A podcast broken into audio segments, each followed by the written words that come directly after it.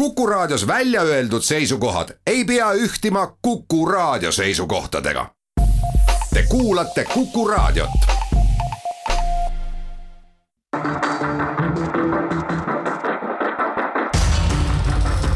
muuli ja Aavik.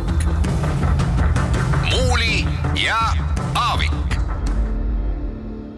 tere päevast, kell on seitse ja pool minutit üle üheteistkümne algab saade Muuli ja Aavik, stuudios on Kalle Muuli ja Martti Aavik. tere. räägime täna esimese teemana äh,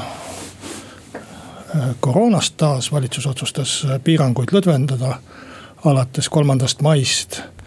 ja samuti on ka äh, mõningaid vaktsineerimise uudiseid nädala jooksul tulnud, nii et taas tavapärane algusteema ja teiseks räägime sellest, et EKRE on leidnud järjekordse juntimisteema ja see on siis taasterahustu eh, raha jagamine Eestis.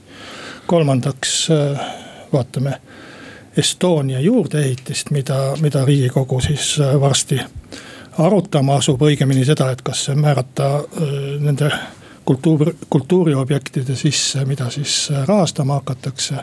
juurdeehitis on plaanitud Estonia teatri taha, praegu on seal peaaegu tühi plats. ja neljandaks võtame jutuks jutumärkides kärpeidee riigikaitses ja laiemalt siis riigieelarve strateegia. ja viiendaks, kui saate lõpus aega jääb. eelmise saate lõpus meil ei jäänud selleks aega, aga selle saate lõpuks loodame, et jääb, siis arutame Isamaa arutelukultuuri teemadel. Isamaa võttis vastava dokumendi vastu või õigemini eestseisus otsustas selle esitada volikogule heakskiitmiseks. muuli ja Aavik aga alustame siis äh, koroona uudistega. Äh, see nädal oli mingis mõttes tähelepanuväärne selle poolest, mida küll vist äh, meedias eraldi ära ei märgitud, aga lõppeval nädalal jõudis siis nakatumine tagasi sellele tasemele, kus ta oli praeguse valitsuse ametisse astudes, ehk siis kolm kuud hiljem on meil hetkel juba isegi väiksem nakatumine kui, kui kahekümne kuuendal jaanuaril aga äh, noh, mis on äh, küll kahetsusväärne, on see, et äh, vahepeal on see surmade arv ja meie seast lahkunute arv kerkinud päris kohutavaks, et seitsesada kakskümmend kaheksa surnut oli eilse päevaga seisuga viimase kolme kuu jooksul. ja seda on kaks korda rohkem kui kogu eelneva koroonakriisi ajal kokku ja seda eelnevat kriisi oli mitte ainult kolm kuud, vaid ikkagi üksteist. et äh, no ma arvan, et äh, kui nüüd piirangutest rääkida, siis need on kindlasti õigustatud ja, ja põhjendatud. et nakatumine läheb praegu nii kiiresti alla, et kolmandaks maiks äh, ei tohiks äh, nende piirangute lõdvendamisega enam küll mingeid probleeme tekkida, eks jälgima muidugi peab ja reageerima peab kiiresti, kui midagi muutub ja kõige ohtlikum ilmselt. nakatumise mõttes kõige ohtlikum on ilmselt äh, laste kooli lubamine, et äh, suured hulgad äh, lapsi koos ja, ja, ja tulevad sealt haigustega koju. aga võib-olla on kevad juba nii kaugel, et ehk see viirus taandub isegi jah, et nende piirangute leevendamisele ei ole väga palju ette heita, ütleksin ka sama, et et võib-olla siiski oleks võinud nädalakese veel venitada nende kooli laskmistega, sest et see on ju. no siis oleks kool juba läbi olnud. no kus ta ikka läbi on, et maikuud on veel järgi küll ja küll. eks, aga, aga lõpuks ei lähe ju ka mitte kõik õpilased kooli, vaid siiski esimesed klassid. nii et päris, päris lausaline see leevendamine ei ole ja, ja loodame, et sellega veab välja aga teine asi, mis on juhtunud, on see, et eh, on siis saadud asjalik eh, vaktsineerimise koordinaator eh, etteotsa protsessile ja vähemalt avalike intervjuude järgi tundub, et, et tõepoolest on inimesega, kes räägib suhteliselt selget juttu Marek Seer on kindlasti asjalik tegija ja kui ma siin mõni saade tagasi ütlesin, et minu meelest peab selle vaktsineerimise juhi staatus olema märksa kõrgem kui, kui sotsiaalministeeriumi osakonna juhataja või, või Tanel Kiige äh, alluv. siis pidasin ma silmas ka ikkagi äh, vaktsineer-, vaktsiinide hankimist ja, ja suhtlemist äh, teiste riikidega, et praegu äh, sellele vaktsineerimise koordinaatorile ei ole sellist ülesannet pandud ja ma arvan, et, et sellistes funktsioonides riigisiseselt korraldada seda vaktsineerimist. ma arvan, et sellest, nendest volitustest täitsa, täitsa piisab. aga, aga eks peab ka kindlasti vaktsiinide hankimisega Äh, palju aktiivsemalt tegelema, kui võib-olla siiamaani on äh, tegeldud. Äh, sellepärast, et noh, tundub, et need vektorvaktsiinid või AstraZenecad langevad rivist välja nii või, nii või teisiti aga mis ma nende piirangute kohta veel tahtsin ütelda, on see, et minu meelest peaks mõnel pool hoopis piiranguid karmistama. no kus näiteks? näiteks riigipiiril. et see, kuidas praegu lubatakse riiki sisse Äh, äh, inimesi tegelikult kontrollimata, kas nad on nakkusohtlikud või mitte äh, ma tean väga paljusid teisi riike, kus on palju karmimad korrad ja minu meelest väga põhjendatud korrad ja me oleme täiesti.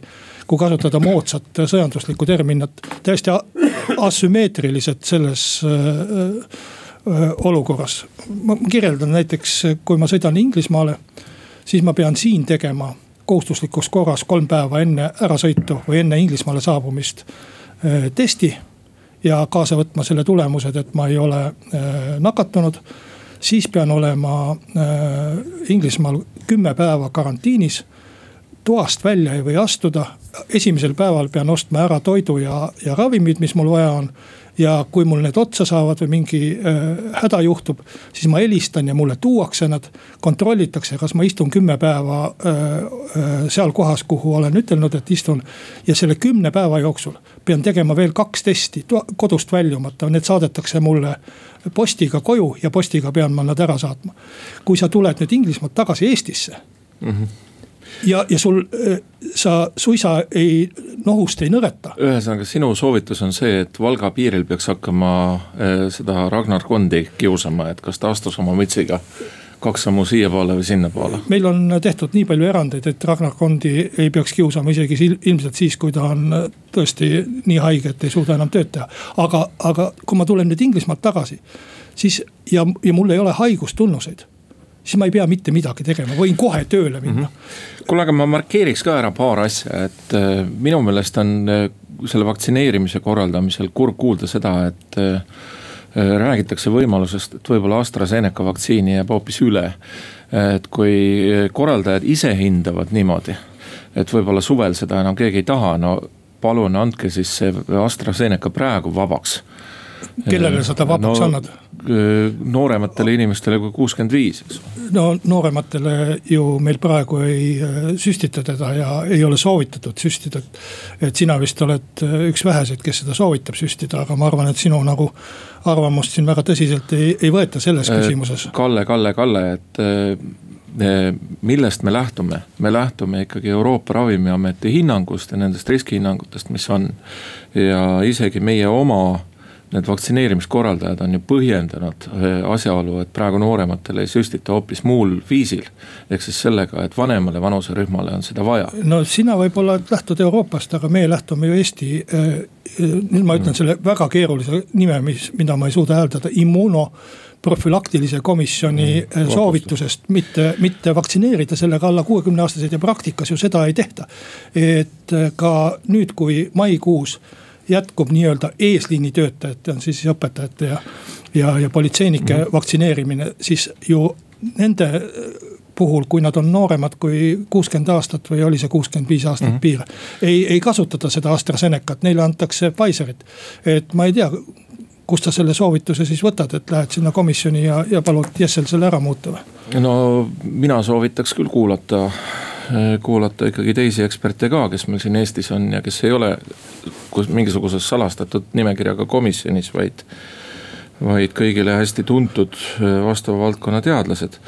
aga teine asi, mis äh, tasub ära markeerimist, on muidugi see, et kui sa rääkisid siin reisimisest, siis äh, uusi tüvesid on tulemas ja uudised Indiast näiteks, mis nende sisu täpselt on. no sellepärast ma rääkisingi äh, sellest reisimisest. on, äh, on ikkagi väga murettekitavad. Lõuna-Aafrika tüvi on meile palju lähedasem ja seda tuleb palju rohkem mm. -hmm et põhimõtt-, põhimõtteliselt on tore, et viimaste kuudega on nende muteerunud tüvede ohtlikkusest arusaamine ka laiemalt inimesteni jõudnud? minu meelest peaks olema elementaarne, et teisest riigist tulnud teeb testi kohe lennujaamas või sadamas, kust ta tuleb ja pärast seda on vähemalt nii kaua isolatsioonis -hmm. kui selle testi tulemused on mäletan, teada. siin paar kuud tagasi sa ütlesid mulle, et ah, see Briti tüvi pole üldse tähtis, eks ju. aga see Briti tüvi ei ole tõesti tähtis, sellepärast et me saame mm. praegu Briti tüvega väga hästi selle nakatumise alla.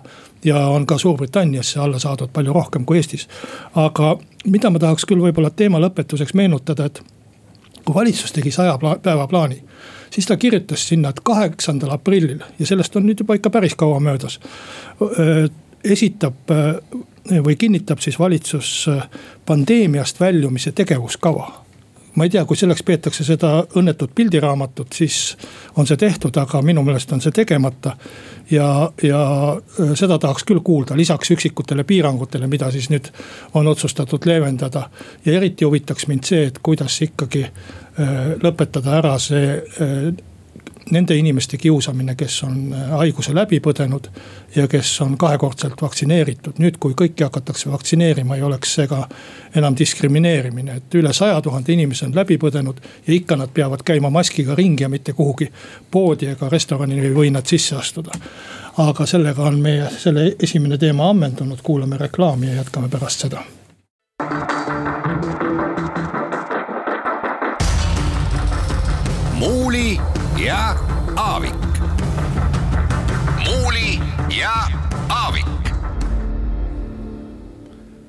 tere taas, riigikogu peaks äh, vastu võtma äh, siis Euroopa Liidu taasterahastu jagamise kava Eestis.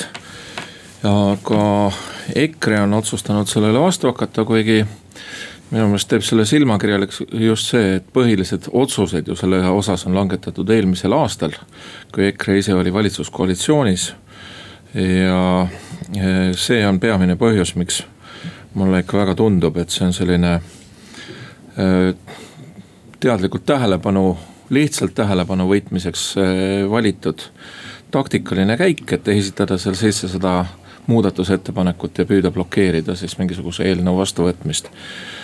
Ja peale kauba eh, ma ei ole üldse nii kindel, et ka puhttaktikaliselt see juntimine on kõige kavalam, et me nägime ka eelmise opositsiooni puhul seda, et kui neid juntimisi ja obstruktsiooni hakkas liiga palju ja liiga sagedasti tulema, siis see, milleks ta suurel määral on ju mõeldud, avalikkuse huvi kadus ära eks, et ma saan aru siis, kui on tõesti väga põhimõtteline ja järjekindel soov mingisugust eelnõu blokeerida, siis on see põhjendatud ja mõistetav. aga kui ta on tõesti populaarsuse võitmiseks mõeldud, mida ta mulle tundub olevat praegusel hetkel, siis siis huvi kuhtub ja kaob ja keegi seda lõpuks tähele ei pane ja tõsiselt ei võta. no mis ta ikka tundub, ta ikka on, mitte ei tundu ja õige on ka muidugi see, et eh, eks Reformierakond ja sotsiaaldemokraadid tegid eh, opositsioonis olles kõik endast oleneva, et riigikogu selliseks palaganikohaks eh, muuta. me mäletame kõik ju, kuidas mingitele seaduseelnõudele esitati mitte seitsesada, vaid viiskümmend tuhat parandusettepanekut ja. ja, ja küll see tundus siis vaimukas ja naljakas. rääkimata sellest, et iga kuu kellelegi umbusaldust avaldati Äh, aga, no see ei tundunud siis ka vaimukas ega naljakas, vaid see tundus juba pärast teist-kolmandat korda lihtsalt tüütu. tegijatele endale tundus see väga vaimukas ja naljakas. Äh, ja ma tegelikult ütlesin juba, juba sel ajal, et äh, kui olukord vahetub ja EKRE on opositsioonis, siis tehakse see kõik tagasi. ja minu meelest nagu kuna keegi enam Rapla raadiole tähelepanu ei pööra, siis EKRE on otsustanud riigikogus teha uue Rapla raadio. kus siis igale eelnõule esitatakse, ma ei tea, mitusada parandusettepanekut ja, ja tehakse tsirkust ja, ja palagani sinna juurde. Minu üleskutse on äh, ajakirjanikele seesama, mis oli Rapla raadio puhul. et ärge kajastage äh, lollusi, ärge kajastage mõttetuid uudiseid. Äh, see seitsesada parandusettepanekut ei muuda Eesti elu mitte kuidagi ja ei oma mingit sisulist tähtsust. sellepärast, et see taasterahastu pakett võetakse nii või teisiti vastu kas ta võetakse peaministri poolt enda usaldusega sidumisega vastu või, või ta võetakse kuidagi neid parandusettepanekuid paketti sidudes ja, ja läbi hääletades vastu. sellel ei ole erilist tähtsust, see on tehniline küsimus ainult. ja, ja ma arvan, et isegi osad opositsioonierakonnad toetavad seda taasterahastut, see on eelmise valitsuse ajal heaks kiidetud. midagi ohtlikku seal Eestil ei ole, vastupidi, sealt me saame palju raha ja, ja lihtsalt ei maksa promoda eh, EKRE igasuguseid eh, tähelepanu võitmisavaldusi. Eh, NETS-iga langes võimalus ennast pildil hoida ära, nüüd võetakse järgmine eelnõu ja siis järgmine ja siis järgmine. ja seda tehakse täpselt nii kaua, kui sellest saab teha esiuudiseid. ja kui sellest enam esiuudiseid teha ei saa, siis leiutatakse mingisugune muu, muu lollus. Aga mis on hästi halb selle asja juures, on see, et minu meelest Reformierakonnale meeldib see.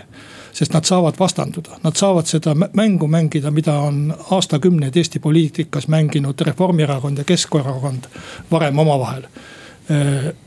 kus nad teineteist siis hurjutavad, teineteise vastu välja astuvad ja mõlemad koondavad oma toetajaid ja, ja koguvad populaarsust selle arvel.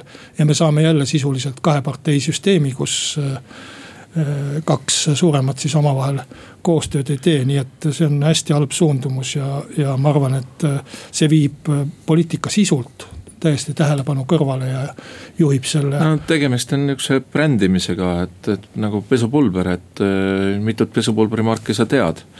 võib-olla oskad kahte nimetada, eks noh äh,, pesupulbrid äh, ei, ei vastandu sel teemal ju see või, või sel kombel, et ja, ja pesupulbritel võib-olla, et ei ole ka nii suurt tähtsust meie elus. Kui, kui on riigikogul ja seadustel, aga, aga väga palju siin sõltub meediast, aga kahjuks minu meelest meedia huvi langeb ju nendesama äh, selle vastandumisega kokku, et seal on ka oi, ju huvi ikkagi oi, konflikti kajastada. konflikt, konflikti huvi on loomulikult publikul, eks ole, et, et mida sa ikka seisvast veest kirjeldad. ei no rahvas on alati süüdi, eks ju. aga, aga ma ei ütleks seda, et äh, nüüd Eesti ajakirjandus on tohutult keskendunud ainult mingisugustele ja tohutu niisuguse isuga kajad, kajastaks neid juntimisi kõigis oma detailides ja näitaks seda ja räägiks seda maailma kõige suuremaks asjaks. no mis seal uskuda, lihtsalt äh, vaata ja loe, et. Äh, no ma loen iga päev. ja, ja, ja mitmendal kohal Postimehes siis see EKRE seitsmesaja ettepaneku uudis eile oli, minu meelest oli ta äh, kuskil õhtupoolsel ajal esiuudis päris suurelt. aga, aga, aga milline tema tähendus on, lihtsalt kõmuajakirjanduslik, et, et äh, ma ei, ma ei tahtnud nüüd konkreetselt Postimehele etteheiteid teha, et äh, eks see ole kõikide probleem. et riigikogus juhtub palju asjalikumaid asju kui see, et äh, keegi ütleb kellelegi lilleke või, või, või teeb mingisugust seitsesada täiesti mõttetut riigikogu ametnike ja, ja poliitikute tööd koormavat avaldust. aga teeme siinkohal siis pool tunni pausi, jätkame pärast seda.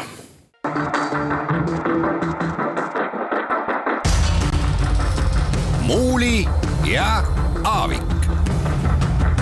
muuli ja Aavik. jätkame saadet äh, stuudios Martti Aavik, Kalle Muuli. no oleme siin juba ühest äh, riigikogus kultuurikomisjonis arutusel olevast äh, kultuuriehitisest, mida tahetakse arvast, arvata siis rahastatavate eh, kilda rääkinud, see oli siis. Sükü oli vist selle lühend, kui ma õigesti mäletan. Sükuu, jah. ilma vokaalharja-. südalinna kultuurikeskus ja see puudutas Tartut ja tekitas seal eh, palju paksu verd ja, ja vastandlikke seisukohti ja nüüd on siis Tallinn saanud oma ei tohi vist Sükuks enam nimetada, eh, oma kultuuri ehitise, mis siin äh, tõenäoliselt täpselt sama äh, palju paksu verd tekitab, jutt käib siis Estonia teatri juurdeehitisest, mida plaanitakse Estonia taha, mis peaks moodustama umbes või, või olema umbes kaks kolmandikku praeguse Estonia suurusest, siis. raske on seda mahtu siin raadio teel kirjeldada ja, ja ette kujutada, aga, aga niisugused need plaanid praegu on. see hoone oleks poolteist korda suurem, kui ta praegu on. jah mm, -hmm. et äh, riigikogu kultuurikomisjon ei ole neid äh, objekte siis veel järjekorda seadnud ja hääletanud äh, tõenäoliselt toimub see siis alles mai algul, aga no ja raske on ennustada, mis siis riigikogu lõpuks otsustab, aga. minu tunne on küll see, et valitsuse või valitsusliidu plaan on äh, see Estonia juurdeehitis siis äh, üheks äh, nendest objektidest arvata, et. et iseasi, kuidas need hääled saalis jagunevad mm. -hmm mina võin öelda, et mina olen olnud selle laiendamise idee poolt juba sellest, kui see idee aastaid tagasi siin välja kerkis. ja selleks on päris mitu põhjust, et üks on, üks ja minu meelest kõige tähtsam on see, et mitte ainult see hoone, mille arhitektuuriline väärtus peale selle, et ta on meile armas, on ja armas Lindgreni ja Viivi Lenni tehtud. noh, siin võib vaielda, eks ole, aga ta on meile oma, ta on meile sümboli väärtusega mitte ainult selle hoonena, vaid ka selle kohana ja ma arvan seda, et kui me ehitaksime mingisuguse uue supermoodsa ooperiteatri kuskile teise kohta, siis tekib kohe küsimus, et aga mis me selle Estonia hoonega ja selle väärtustamisega siis. Äh, ja selle tähendusega teeme, et mulle tundub, et see asukoht ooperiteatrile koos korraliku suure tõepoolest ooperisaaliga oleks.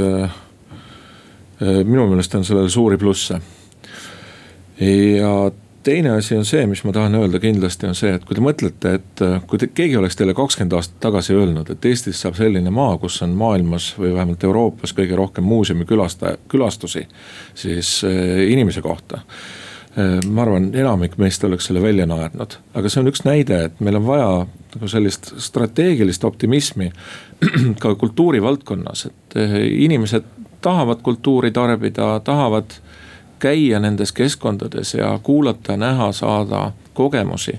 kui see on nagu inimlikus heas kastmes ja heas asukohas nende jaoks olemas, nii et eh, Estoniaga tuleks kindlasti edasi tegeleda. Estoniaga tuleb edasi tegeleda, aga, aga mitte sellel viisil, et me ehitame Estonia taha ühe, ühe järjekordse kasti eh, millega me saavutame, ma, ma ütlen sulle, millised eesmärgid. Äh, kannata natukene. me saavutame sellega, et raiskame suure hulga raha ära.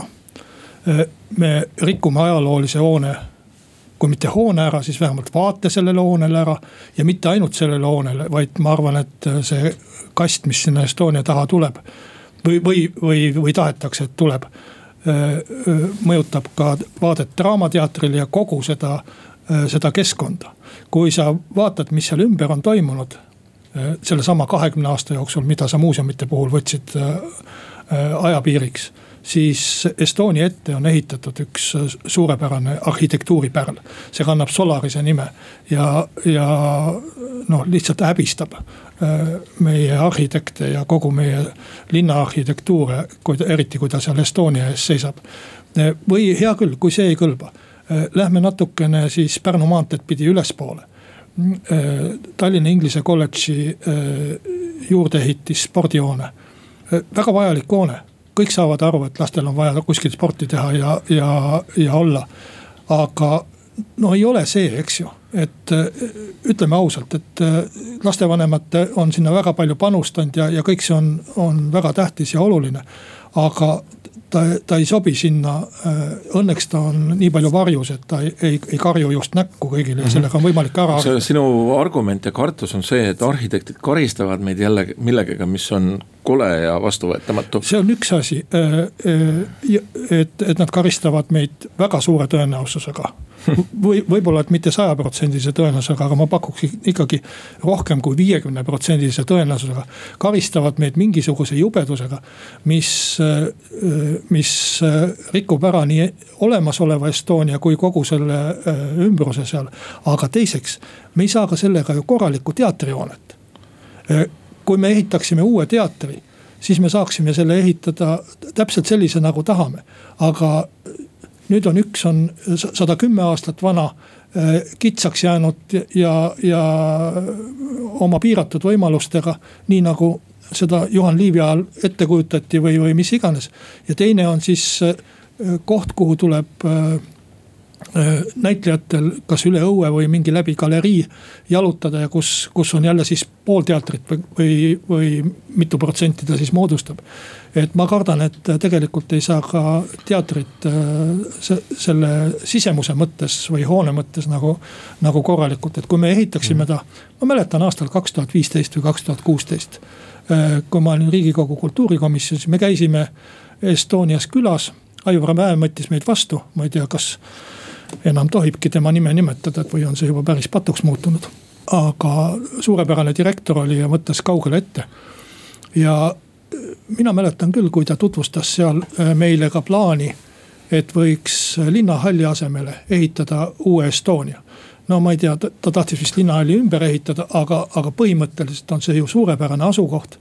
Äh, sellest linnahallist, kui me oleksime mõistlikud inimesed, siis võiksime buldooseriga üle sõita ja sinna ehitada korraliku äh, Estonia teatri. ma saan aru, mis probleem seal on. probleem on see, et kui me ehitame korraliku teatri, siis kulub selleks hulga rohkem raha. ja väga paljud teised kultuuriobjektid ei saaks siis raha. aga mina arvan, et võiks teha ühe korraliku asja, kui, kui praegune asi ära rikkuda. kas sa arvad, et äh, sellisel juhul nagu arhitektid ei karistaks meid äh, selle moodsa arhitektuuriga, mida sa ütled olevat koleda aga isegi kui nad karistavad. juurdeehituse, juurdeehituse juures äh, läheks nagu kõik väga halvasti, äh, tingimata. isegi kui me karistaksime, isegi kui nad karistaksid meid, siis Estonia ja tema ümbrus jääks sellest karistusest kindlasti puutumata. seda esiteks, teiseks juurdeehitis on keer, keer, keerulisem sellepärast, et sa pead ta kokku sobitama selle hoonega, mis juba on. ja kogu muu linnaruumiga, mis seal ümber on. kui sa võtad mere ääres selle mhm. linnahalli koha siis seal ei ole teda mitte millegagi kokku sobitada, välja arvatud Statoili bensiinijaam, nüüd ta on vist küll no vot seda, seda sa räägidki, sa tahad ooperi pagendada bensiinijaama taha. no saame selle bensiinijaamale ka leida siis äh, teise koha, kui vaja on, see ei ole nüüd küll väga suur probleem. ma arvan, et siin peaks olema natukene rohkem optimismi ja, ja usku, et äh, probleeme on võimalik lahendada, aga. aga mida ma kindlasti tahaks öelda, on see, et äh, mõelge selle peale, et tegelikult Eesti kultuuriloos see Estonia hoone sünd on nagu rahva ühise tahte, ühistegevuse sümbol. ja see on mingis mõttes ka nagu Eesti kultuuri ja kõrgkultuuri sünni kvintessents, et meil ei ole olnud niimoodi, et äh, magnaadist aadlik oleks äh, loonud endale kuskile erateatri ja pannud pärisorised talupojad sinna näitlejateks, see on olnud rahva seest kasvav tahtmine. ja seesama hoone arhitektuuriliselt on ta, mis ta on, aga, aga sümbolina meie kultuuriloos on selline ja on päris halb, kui me läheme purelema enne veel, kui me teame, millega on tegemist, no oli joonistatud sinna mahuplaani peale punane kast see ei ole see hoone, mida plaanitakse sinna ehitada, sa tead ise ka seda väga hästi, oleksid võinud ka alguses mina, mina ei ole seda punast kasti siin eetris maininud ja ma ei ole ka väitnud, et see punane kast on, on see hoone, mida kasutatakse. sa alustasid juttu sellest, et ehitatakse kast. no maja nimetusega kast eh, ja, ja ma püüdsin selle kastiga äh, iseloomustada halba arhitektuuri mm. -hmm. ma, ma Solarist nimetaks küll kastiks ja, ja äh, arhitektidel oli väga hästi teada, kuhu nad selle Solarise ehitavad. ja et see on Estonia vastas ja no õnneks ta ei ole võib-olla sellises mahus, et ta varjaks ära Solaris Estonia. väga ei meeldi, aga see on ikkagi teine lugu, et sinna ehitati ju pood eks, et praegu me räägime ooperiteatrist, kus seda poesurvet ju ei ole nojah, äh, mitu teatrit siis oleks pidanud kesklinna ehitama, et mul tõesti ei ole tuua ühtegi teatrinäidet sealt, aga ma tõin päris mitu näidet mm. -hmm mis on ehitatud noh, sisuliselt vanalinna või vanalinna piirile. ja, ja on arhitektuuriliselt lihtsalt käpardlikud. ma Viru keskusest ei hakka mm -hmm. siin praegu rääkima. aga muuseumidega on meil ju suhteliselt hästi läinud. muuseumidega on väga hästi läinud, aga need on eraldjooned, need ei ole juurdeehitised. ERM-i ei ehitatud millegi juurde, Kummut ei ehitatud millegi juurde, vaid need on iseseisvad hooned. Äh, rääkimata lennusadamast, mida lihtsalt restaureeriti väga ilusti ära. aga teeme siinkohal ühe pausi ja üritame siis mõnest teisest teemast ka rääkida.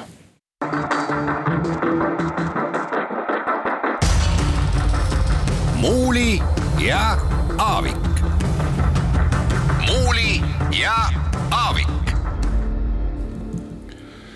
räägime edasi riigieelarve strateegiast, mida siis on valitsus parasjagu tutvustamas kõigile asjast huvitatud osapooltele. kaasa arvatud avalikkusele ja muuhulgas siis ka sellest, mis meile Postimehes tuli väga suure üllatusena, kuna me oleme riigikaitse suured toetajad, et. et mingisuguses dokumendis oli ka sees riigikaitsekulude kärpimine. aga praegusel hetkel tundub, et, et noh, see oli mingisugune õnnetu ametnike või, või võib-olla ka poliitikute niisugune tööviga selle juures? Noh, kui sa räägid tutvustamisest, siis mulle tundub, et äh, hetkel see riigieelarve strateegia ei ole veel üldse sellises staadiumiski, et seda saaks tutvustada, et kui ma kuulasin eile päev läbi rahandusministri selgitusi ja vastuseid ajakirjanike küsimustele, siis äh, tegelikult ühte olulist küsimust, ühele olulisele küsimusele ei saanudki vastust, ehkki, ehkki räägiti kogu aeg ümber selle augu äh, ühest küljest öeldakse, et äh, kolm protsenti tõstetakse õpetajate, politseinike, päästjate ja kultuuritöötajate palka. ja, ja samal ajal öeldakse, et, et me kärbime eelarvet kõvasti. Iga ministeerium peab leidma kärpekoha, viis protsenti on siis vaja tegevuskuludest maha võtta. aga kas sina, Martti, said aru, kas eelarve, eelarve puudujääki järgmisel aastal vähendatakse või ei vähendata. kas see kärpimine vähendab eelarve puudujääki või, või mitte? sellele küsimusele ja ma ei pannud ka tähele, et kas ajakirjanikud seda küsimust küsisid, aga see oli ju valitsuse äh, võimuletuleku üks põhilisi jutte pärast kahekümne kuuendat jaanuarit. et eelarve puudujääki tuleb vähendada. kas siis vähendatakse või mitte, tahaks ma teada ei, mina ei ole sellest aru saanud veel, et äh, kas järgmisel aastal eelarve puudujääk väheneb või mitte. aga ma saan aru, et see strateegiline eesmärk ei ole ju kadunud ja iseenesest äh, mina mõtlen, et. oota, mis eesmärk on vähendada, aga tegelikult ei vähendata või?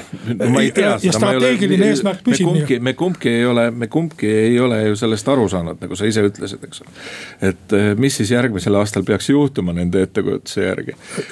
et äh, üks rahandusministri lause oli selline. Äh, saame palgatõusu teha eelarve puudujääki suurendamata. noh, kui ma oleksin kremloloog, siis ma loeksin sellest välja, et tegelikult eelarve puudujääki ei vähendata, muidu ta oleks esinenud selle mm, avaldusega, nii et seda nägu on. nii et mulle tundub jälle, et läheb nii nagu kõikide teiste selliste äh, juttude ja lubadustega, et lubati, et äh, võideldakse hirmsalt tervisekriisiga, tegelikult lasti asi käest ära ja, ja saadi meile tuhat viissada nakatunut ja ja, ja no,. jah, et ole, ole ikka õiglane, valitsus ei levita viirust või arvad sa, et levitab? ei, valitsus saab oma piirangutega äh, reguleerida seda, kui palju viirus levib ja seda on ka kaheksandal märtsil kehtestatud piirangud näidanud, et väga hästi saab valitsus mõjutada seda viiruse levikut. aga samamoodi lubati meile seda, et eh, eelarve puudujääki vähendatakse. Eh, noh, juba on ühe lisaeelarvega seda suurendatud päris mitmesaja miljoni võrra. ja mulle tundub, et seda ei vähendata ka järgmisel aastal, aga see on tõesti, eh, ma pean kasutama väljendit, tundub, paistab, näib ja, ja olema hästi udune, sellepärast et need uudised, mida ma loen on, on täpselt sama udused ja ei, ei ole mhm. võimalik Kule, isegi aru saada. Eh, mingis, mingis mõttes see on nagu strateegilise positsiooni eh, muutmine ka, et. Et esiteks, kuidas sa neid tegevuskulusid siis alla saad. et me, meil on kõigil selline tunne, et eh, on riigiasutustes õhku sees vaatad siia, vaatad sinna, vaatad mitu küpsist on kuskil eh, konverentsil, eks ole, välja pandud, kuigi neid praegu füüsiliselt ei toimu et eh, üks variant on siis see, mida eelmine valitsus pakkus, et, et teeme ühe põhjaliku analüüsi. Arutame siit ja sealt, mis on ka õige, aga pigem selliste suurte reformide mõttes. ja teine variant on see, et sa lihtsalt ütled, et tõmmake kulusid kokku, eks ole, tõstame palkasid. täiesti arusaadav strateegiline liin tegelikult no kui meil on selle kriisiga tekkinud suur eelarve puudujääk ja see on mõistetav ja, ja, ja tulebki laenu võtta ja tulebki puudujääki minna. siis pärast seda kriisi võiks hakata siiski ikkagi seda puudujääki vähendama.